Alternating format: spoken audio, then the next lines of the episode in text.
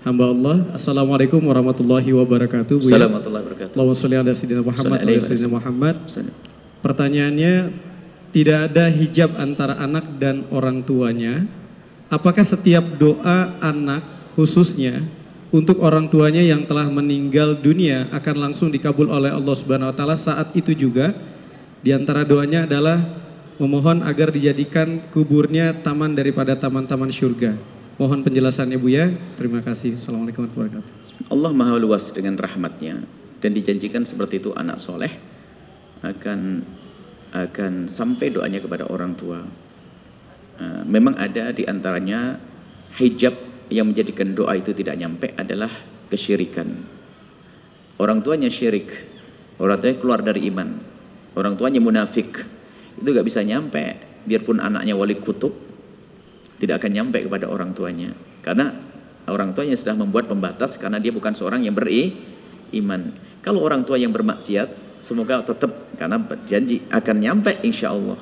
Jadi ada beberapa hal yang yang menjadi sebab terhijab antara kita dengan doa di antaranya sebab yang paling dahsyat adalah keluar dari iman murtad atau syirik menyekutukan Allah termasuk di dalamnya adalah kemunafikan kafir batin itu menjadikan doa anak tidak akan nyampe kepada orang tua nah ini ini di antaranya jadi nyampe maka dari itu ini bicara tentang nyampe nya adapun sebagai seorang anak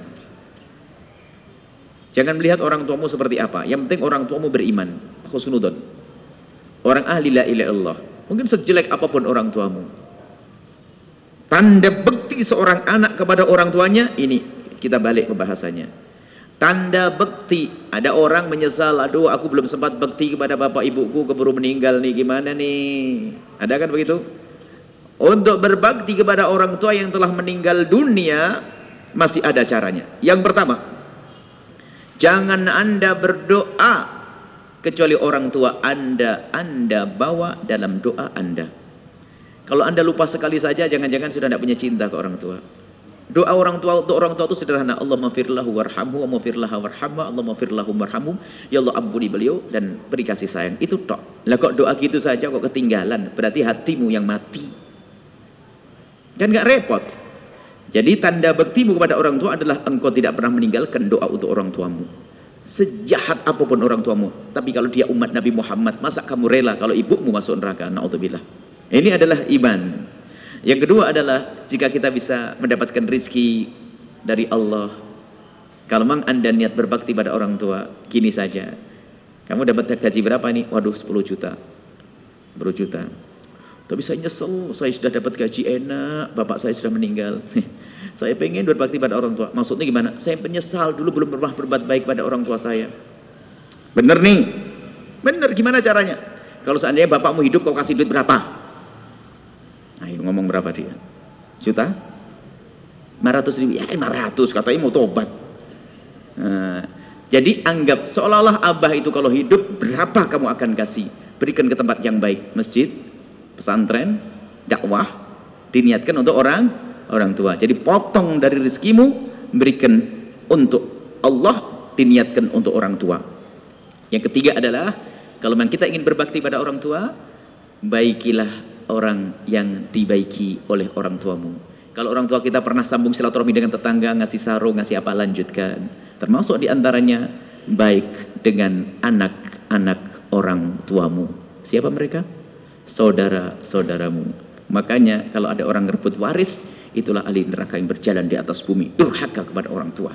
Itu ya, jadi doa tetap sejelek apa pun orang tua menurutnya karena mungkin orang tuanya mungkin bandel tidak sholat segala macam atau banyak melakukan kemaksiatan tapi kalau ahli iman doakan dan doakan maka doakan nyampe insya Allah Wallahu a'lam bisawab Untuk pengabulan doanya Bu ya. apa itu?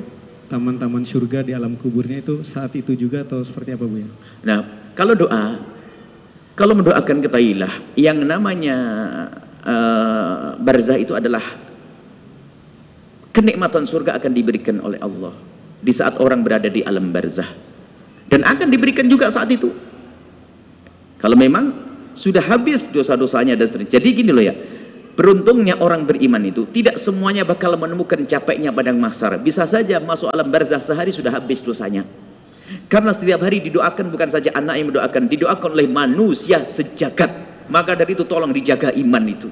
Jangan main-main urusan iman. Kalau meleset iman hilang, ngentengin syariah, ngerendahkan Al-Quran, ngerendahkan Nabi Muhammad, ngerendahkan syariat. Kalau ngomong yang benar, agama yang paling benar hanya agama Islam, yang masuk surga hanya umat Islam. Jangan sampai ada perkataan yang mengeluarkan kita dari iman. Perkataan keluar dari iman mengatakan lesbi boleh. Naudzubillah. Keluar dari iman bertangan dengan Al-Quran.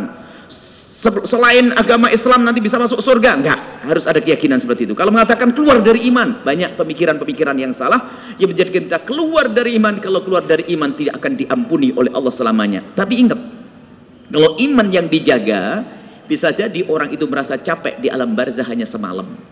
Karena apa? Didoakan manusia sejagat. Karena nyambung kita dengan umat Islam. Selagi kita umat Nabi Muhammad. Bisa jadi setahun, bisa jadi sampai di padang mahsyar terlihat itu dosa. Karena terlalu besar dosanya, apalagi dosa yang produktif. Ada dosa produktif. Oh, dia buat program kok. Dirikan pondok itu adalah amal produktif. Dirikan tempat diskotik ini dosa produktif. Ngajari orang judi, ngajari orang main dosa produktif, mengalir terus. Hati-hati. Makanya tobat belum tobat lagi. Kan terus dosa orang yang diajari dosa terus berdosa berdosa berdosa dosa berantai. Naudzubillah. Semoga. Maka dari itu kalau berbuat harus kita pikirkan. Ya ada orang melakukan dosa kelihatannya sekali ternyata orang yang diajari mengajarkan sepuluh sepuluh numpang dosanya di kita. Makanya kalau ngomong yang benar kalau kita hanya ngomong begini eh bu tahu ndak? Rutin setiap malam minggu ada konser di sini rutin setiap malam minggu. Dua orang denger bener datang dua orang ngajak lima orang. Gara-gara salah ngomong. Tapi kalau ibu hanya ngomong bu coba denger radioku. Denger radioku. Dua orang yang denger. Dua orang ngajak lagi sepuluh orang mengalir pahala. Makanya kalau ngomong yang bener jangan ngomong yang jelek. Nanti dosanya produktif. Waduh bahaya itu tapi kalau kita diampuni oleh Allah akan menemukan kebaikan. Saat itu pun kalau memang sudah habis dosanya akan mendapatkan kenikmatan surga yang dikirim oleh Allah di alam barzah itu sendiri. Cukup insya Allah.